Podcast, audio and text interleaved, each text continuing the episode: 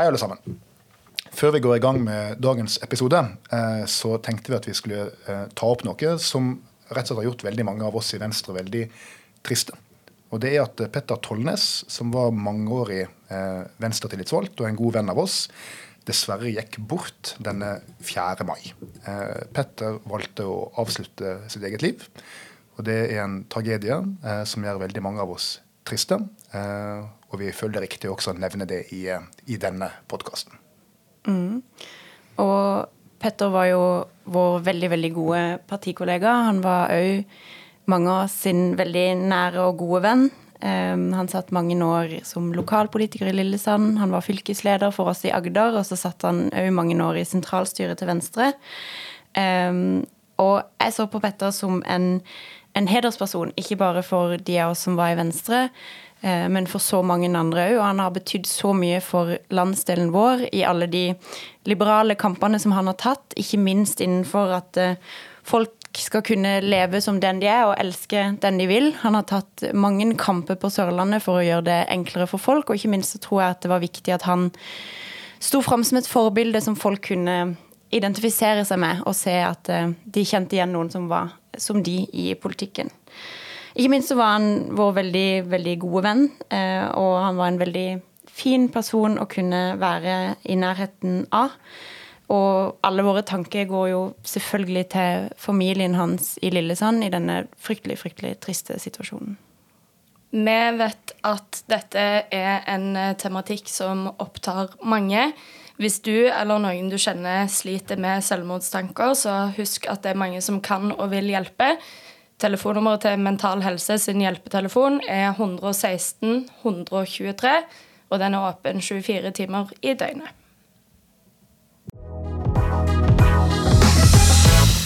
Du hører på Sikre kilder i Venstre. Med Sveinung, Ingvild og Kristin. Hei, du lytter til Sikre kilder Venstre. Jeg heter Sveinung. Jeg heter Ingvild. Jeg heter Kristin. Og Vi er tilbake med podkast, og nå har det skjedd eh, veldig mye. Mai er en travel måned i politikk, og i tillegg kommer veldig mye annet. Så det her skal bli en innholdsrik sending, men først, hva har du gjort siden sist, Kristin? Uh, jeg vet ikke om jeg tør å si dette. Jeg har vært på cruise. Har du hørt på cruise? ja, var det cøliaki-cruise? Nei, det var faktisk ikke cøliaki-cruise. Som jeg var redd for. Dette var cruise med gluten, som jo er dobbelt så bra cruise. Glutenkrus, ja. Ja, glutenfullt krus. De hadde også glutenfrie alternativer. Men, eh, var det dette som var den blåturen du skulle på, som du snakka om sist podkast, at du ikke visste hva var? Det er helt riktig. Dette var den blåturen jeg skulle på. Og det er jo det jeg har å si til mitt forsvar, for cruise er vel sånn etter romskip det framkomstmiddelet som forurenser mest. 100%. Men det var altså ikke jeg som planla det, så til, til mitt forsvar så Eh, så, så, ja, det var ikke med viten og vilje, kan du si. Når det er sagt, så håper jeg snart noen finner opp et klimavennlig cruise. For cruise, det passer for meg. Hvor var du hen? Jeg var i Middelhavet. Ja. Så Marseille, eh, eh Genoa, Civita Vecchia, Palermo, Ibiza og Valencia. Hadde du rumpetaske? Jeg hadde ikke rumpetaske. Jeg føler det, Er ikke det oblig på cruise? Ja, altså, Det så sånn ut. Men jeg var åpenbart i, ikke i dresscode der. Jeg har ikke rumpetaske, faktisk. Fantastisk. Da vet vi hva julegaven blir i år, Sveinung. Det blir cruise igjen til Kristin. Eller rumpetaske. Eller rumpetaske. Litt billigere, kanskje. Det hadde vært mye kjekkere hvis dere ville gi meg cruise enn rumpetaske. Jeg vil bare si det. Altså, vi, skal vi, vi skal redde miljøet. Men ja. uh, julegave, det kommer seinere. Sveinung, ja. det er 15. mai i dag. Du har bursdag. Jeg har bursdag i dag. Har du fått noen gaver? Eh, ikke ennå. Kanskje det kommer noen i løpet av dagen. Det hadde vært kjekt. Eh, men ja, det er riktig. Jeg har bursdag 15. mai. 36 år. Føles det bra? Etter at den passerer 30, så vil jeg si at det føles ikke så stas å eh, stadig legge til et tall. En liker best å være sånn 28, jeg kjenner. Og det må jeg innrømme at det er jeg ikke lenger. Jeg blir en stadig eldre mann. Mm -hmm. 15. mai er også bursdagen til Oslo, forresten. Eller på en måte bursdagen til St. Halvard-dagen ja. i dag. Og også bursdagen til McDonald's. Oi, se her, ja. Hvordan skal McDonald's ha bursdag? ja, Den første McDonald'sen åpna på 15. mai. Yes. Mm. Så for du deler bursdag med McDonald's. Ære for deg, Sveinung. Å, fantastisk. Kanskje jeg skal ta meg en Big Mac etter sending i dag. Jeg blir med. Og jeg kan kjøpe den til deg som en bursdagsgave. Sant. Ja. Min første bursdagsgave. Mm. Veldig bra. Ja. Um, siden sist så har jeg også, uh, og det kan vi jo egentlig ta som første sak, for dette føler jeg det er litt å si om. Jeg har vært i utlandet, jeg òg. Ikke på cruise. Jeg har ikke vært i et EU-land, jeg har ikke vært i et EØS-land. Jeg har vært i et utenforland, nemlig Storbritannia. Hva har du gjort der, Sveinung? Det skal Jeg fortelle deg. Jeg har vært på Eurovision Song Contest i Liverpool. Det er så peak venstre. Ja, det er jo det. Uh, men det er uh, ikke bare peak venstre, det er også peak det meste annet. Fordi dette er noe å se.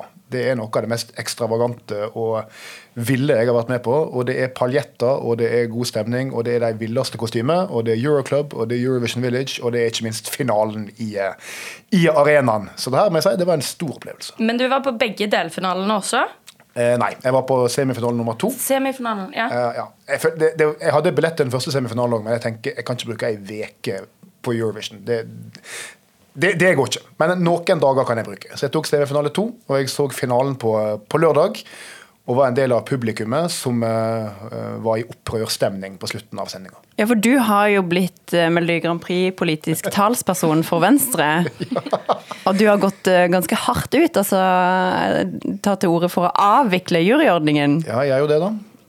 Um, for de som ikke så Eurovision Song Contest, det, så dere forresten? Jeg gjorde det, faktisk. Jeg så sånn noen sanger. Altså. Ja, jeg òg så noen sanger. da. Ok, For deg som fulgte intenst med på dette her. Uh, det som skjedde på lørdag, uh, det var at uh, du har jo to måter å stemme på Eurovision. Du har folkestemmene. Det er alle oss som sender SMS eller ringer inn, sånn som det alltid har vært. Demokratiet. Demokratiet. Det er verdt 50% Så har du ytterligere 50% som ikke er demokratiet, men som er eliten. Og eliten det er de nasjonale juryene. Det er fem personer i hvert land. Uh, ingen veit hvem de er. De er anonyme. Hæ, Er det sant? Er det hemmelig hvem de er? Det er hemmelig jury.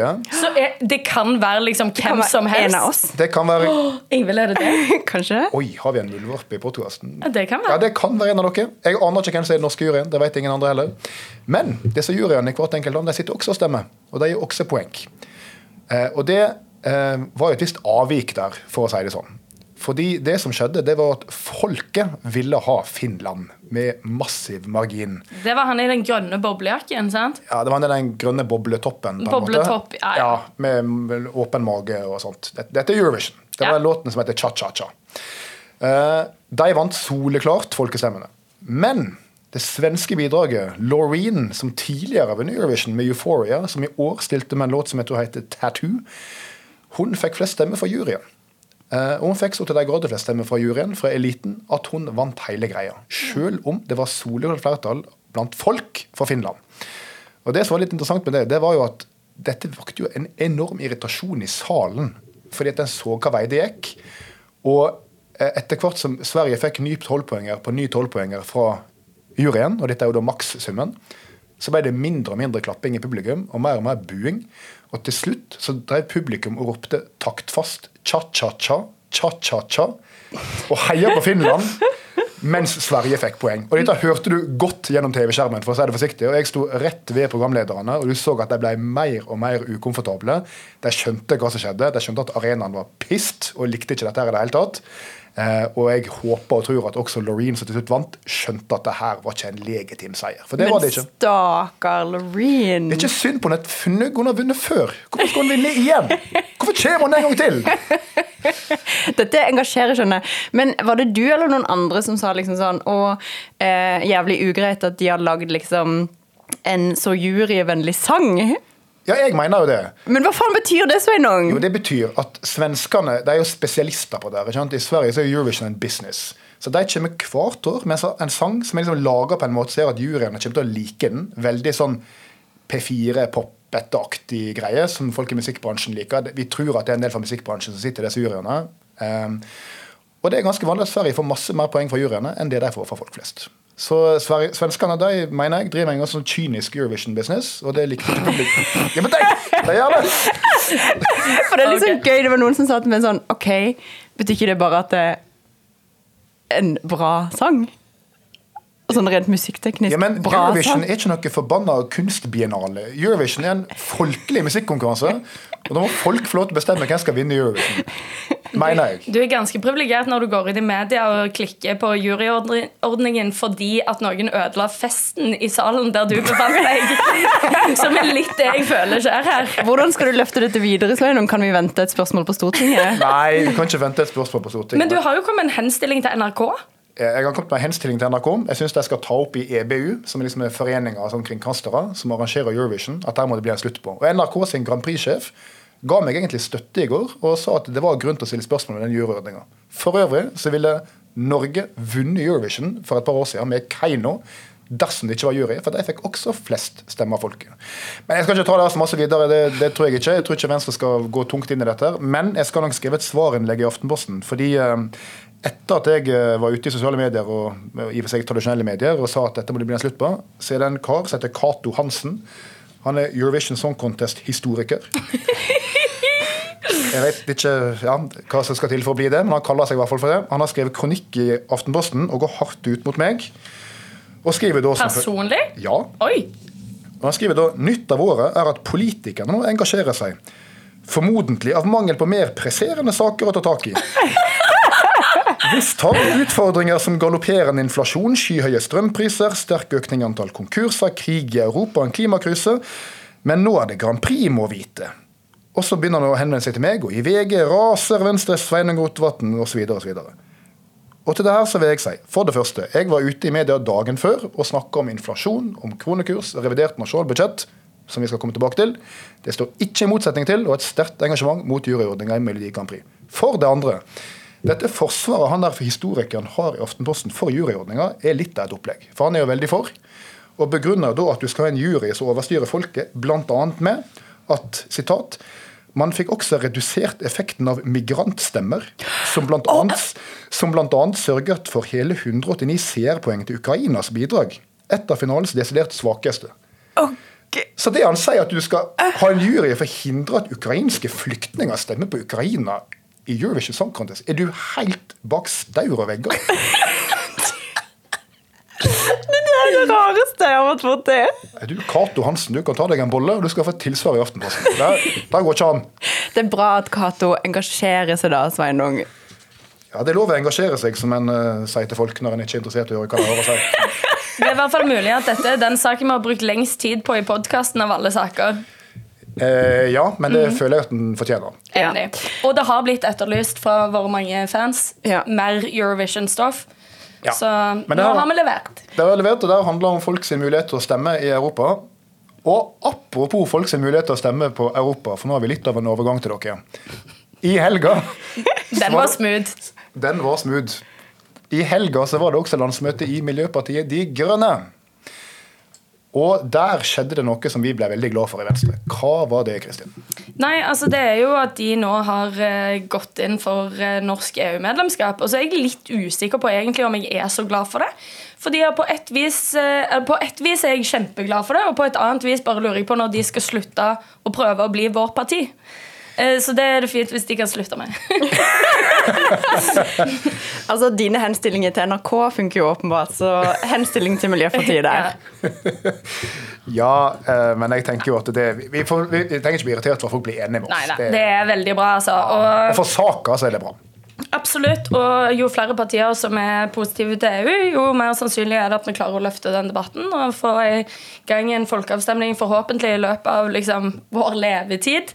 Det er vel ingen over Er det 42 år i Norge Nei, under 42 år i dag som har stemt i en EU-avstemning? Stemmer det? Eller er det 46? Det er i hvert fall noe med 40. Nettopp. Vi får rekne tilbake til 1994 og ta det derfra. Ja. Um, Jeg er ja. ikke så god i matte. Det har jeg bevist i tidligere påkaster. Poenget er vi har lyst til å stemme, ikke bare i Eurovision, men også i eh, europavalg. Men nå er MDG på lag med Venstre og på lag med Høyre om det. Veldig bra. Men vil du òg si på lag med klima, som har tatt dette standpunktet? Ja, det vil jeg faktisk si.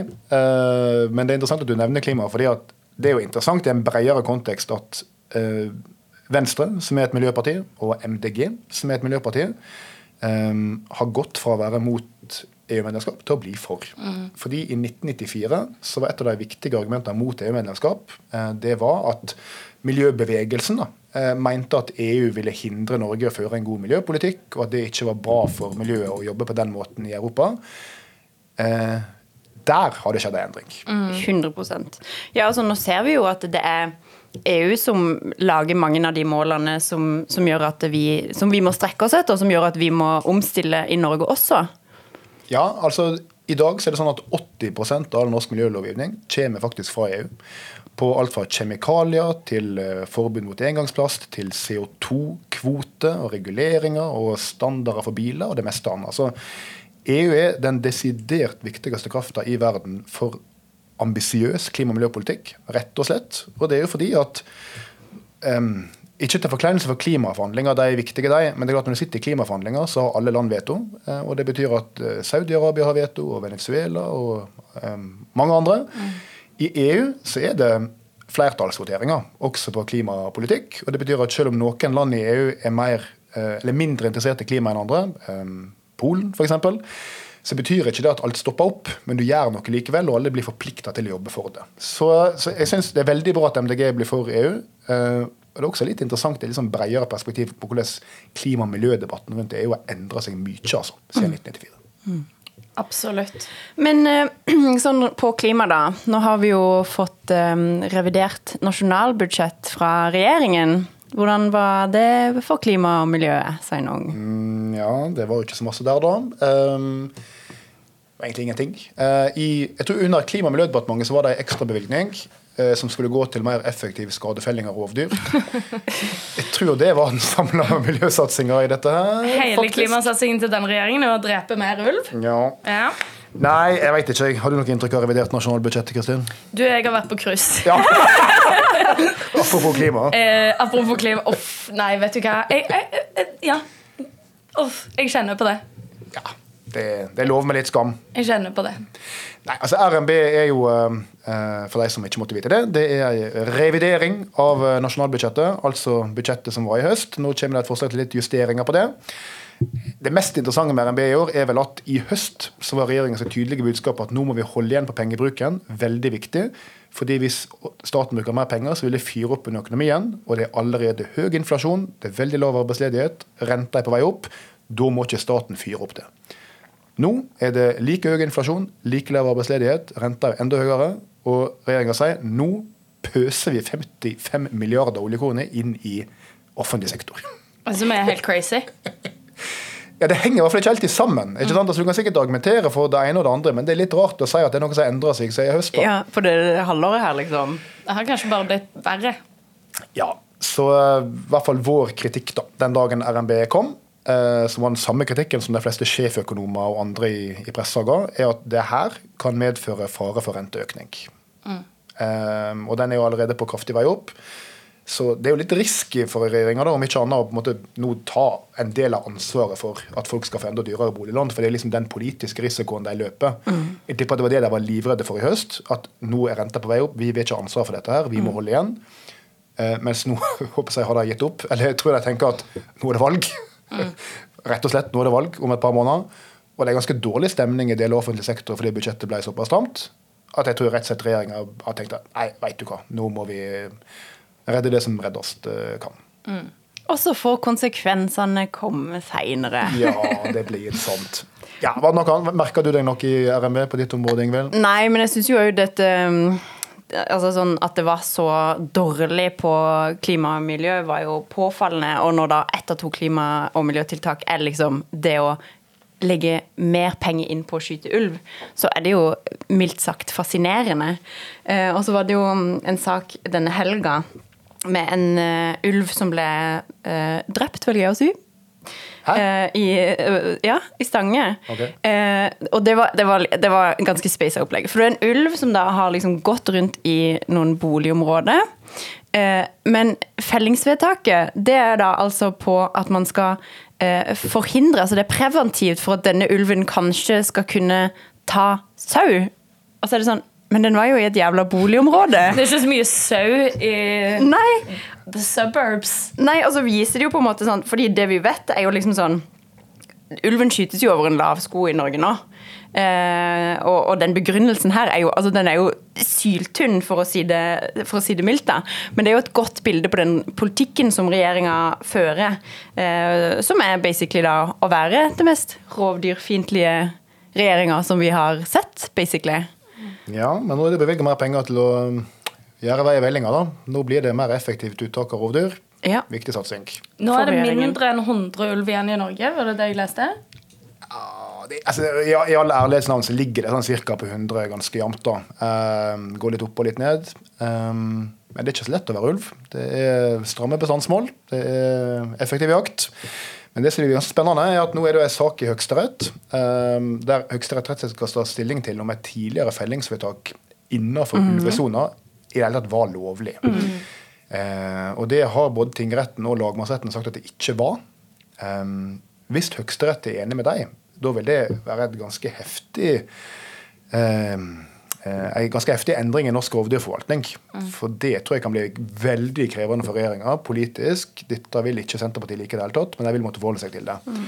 Så det Ja, vi venter spent på dom fra Høyesterett i, eh, i rovdyrsaka. Ok, Er det mer å si om RNB, annet enn at det er penger til ulveskyting og veldig masse oljepenger til andre ting? Det er veldig lite penger til Oslo. Ja, du bruker å klage over det. Ja. ja. Jeg bare legger det til. Skyter det inn på slutten. Nettopp. Mm. Ok, da er det nevnt. Veldig bra. Um, apropos uh, regjeringa, så har vi jo med ujevne mellomrom ei fast spalte når vi ikke syns at de er så veldig flinke. Uh, og vi prøver å holde litt igjen på det, for vi skal jo ikke liksom, svartmale regjeringa. Og uh, de gjør en del ting som vi syns er greit. Men i dag så er det rett og slett tid for den faste spalta vår. Nå må regjeringen snart slutte å være totalt ubrukelig. Og hva er det regjeringa har gjort nå, Ingvild? Nei, altså midt under eh, alle pressemeldingene i forbindelse med revidert nasjonalbudsjett, så velger da regjeringen å legge fram nyheten om at de skal sette ned et utvalg som skal se på basically hvordan vi kan gjøre forskjell på folk. For det de vil finne ut da, er hvordan kan vi fortsette å straffe mennesker som bruker rus? Hvordan kan vi sørge for at politiet kan bruke masse tvangsmidler mot disse personene? Og dette er jo en situasjon som regjeringen har skapt. altså De har stemt imot rusreformen, og de har skapt en situasjon eh, hvor det da skal skilles mellom de som fortjener straff, og de som ikke fortjener straff. Eh, det er jo helt sjukt mange problemstillinger med det her utvalget. Det ene er jo mandatet. altså De har satt ned et mandat som er altså så snevert og bundet at om disse folkene hadde lyst å komme fram med på en måte en helhetlig gjennomgang av rusområdet, så er de på en måte så bundet av mandatet at da må de i så fall si dette er en umulig oppgave ut ifra mandatet. Og det som jeg fucka med det i tillegg, er jo at vi har jo et jævlig godt kunnskapsgrunnlag på dette allerede. Altså Vi har jo Rusreformutvalget sin 416 sider lange rapport som forteller oss nøyaktig hva vi burde gjøre. Men det var jo regjeringen politisk uenig med, så da velger de i stedet å sette ned et utvalg som de har bare gitt en liksom sånn 100% klar politisk bestilling eh, til. Og det er jo sånn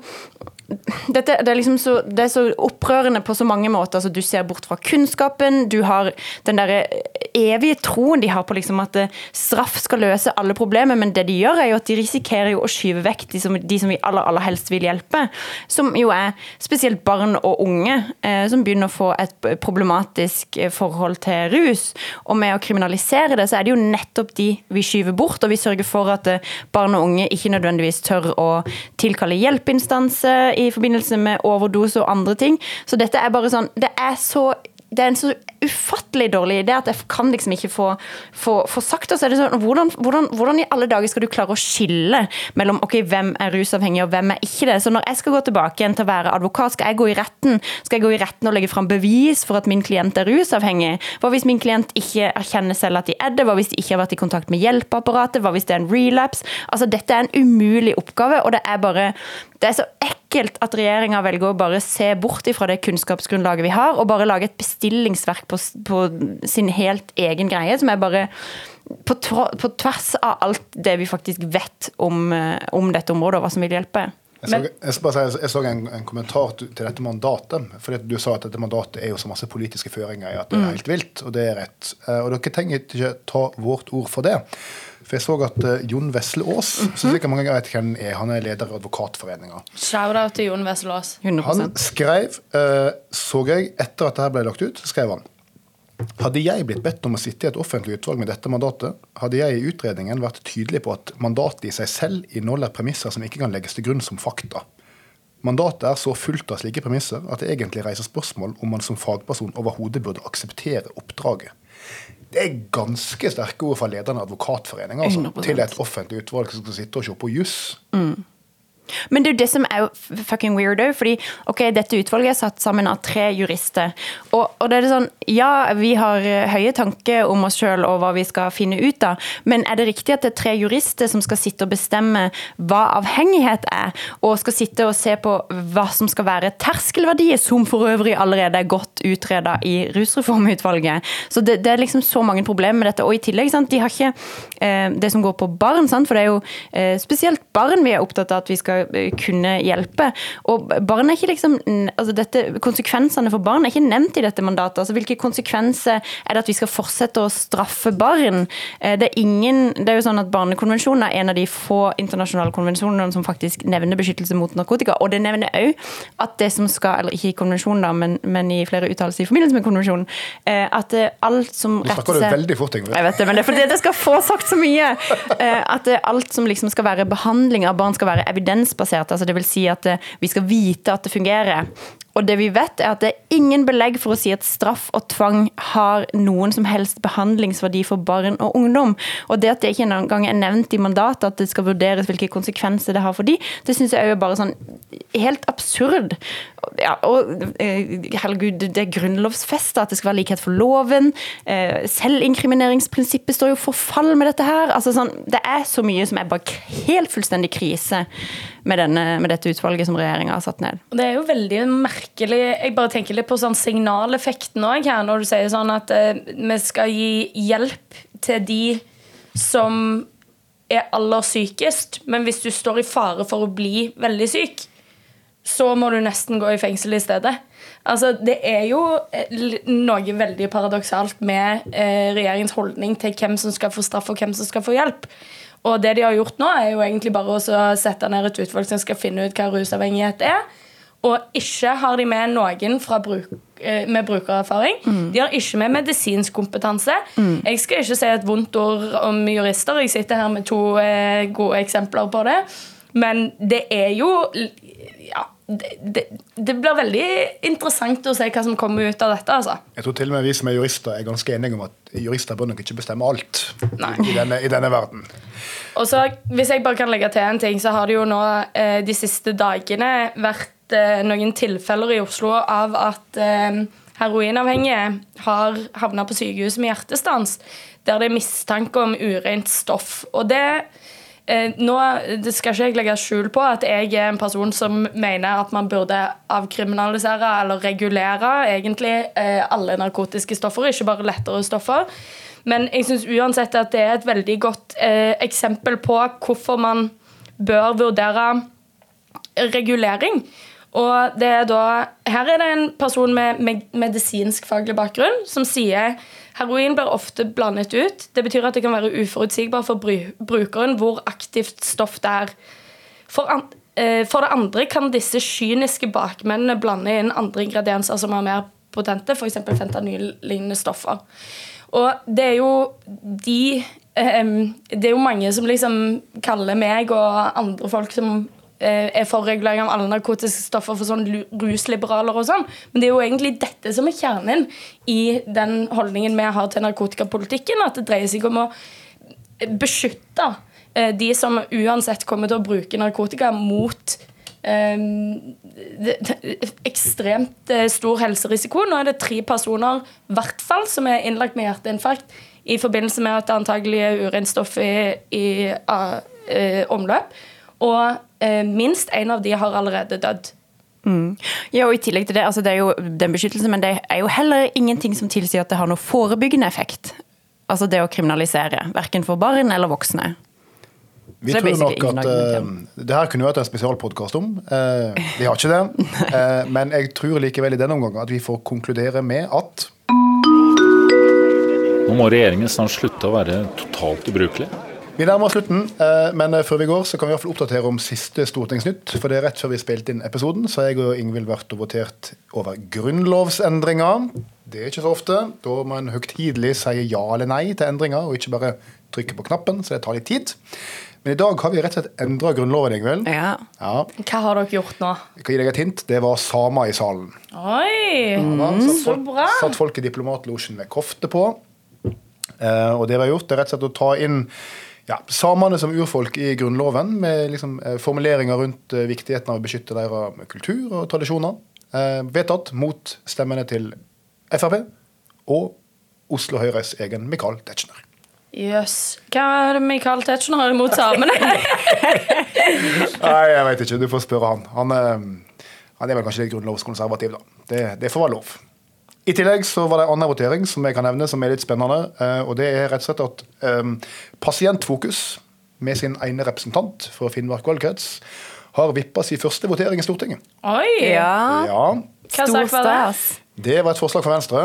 OK. Ja, Um, skal, Enkelt sagt, kort fortalt. Ehm, det har jo lenge vært slik at det har vært en enighet i Stortinget da, om at det er viktig å sørge for at det ikke opproper seg for masse statlige arbeidsplasser i Oslo, og at de bør prøve å lokalisere utenfor Oslo. Bu! Ja. Det er, det er alle i Stortinget enige om, bortsett fra én benk, og det er Oslo-benken. Men vi andre har flertall.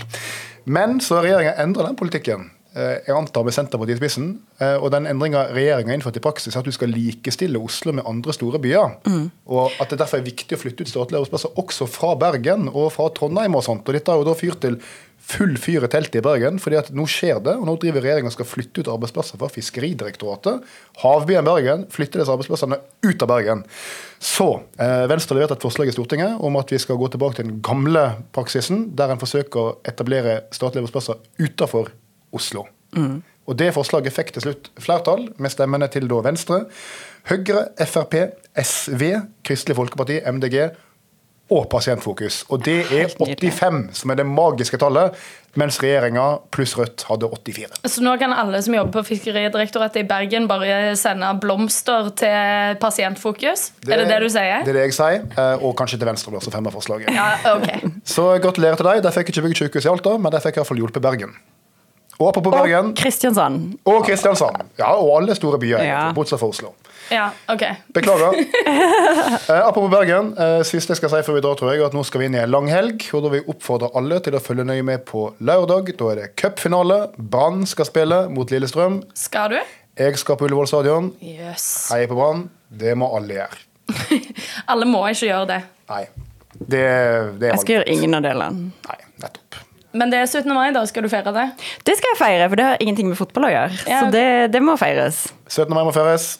Vi ønsker alle der ute en gledelig grunnlovsdag. Gledelig tidenes lange helg. Eh, og så høres vi neste uke. Takk for oss. Ha det. Bye.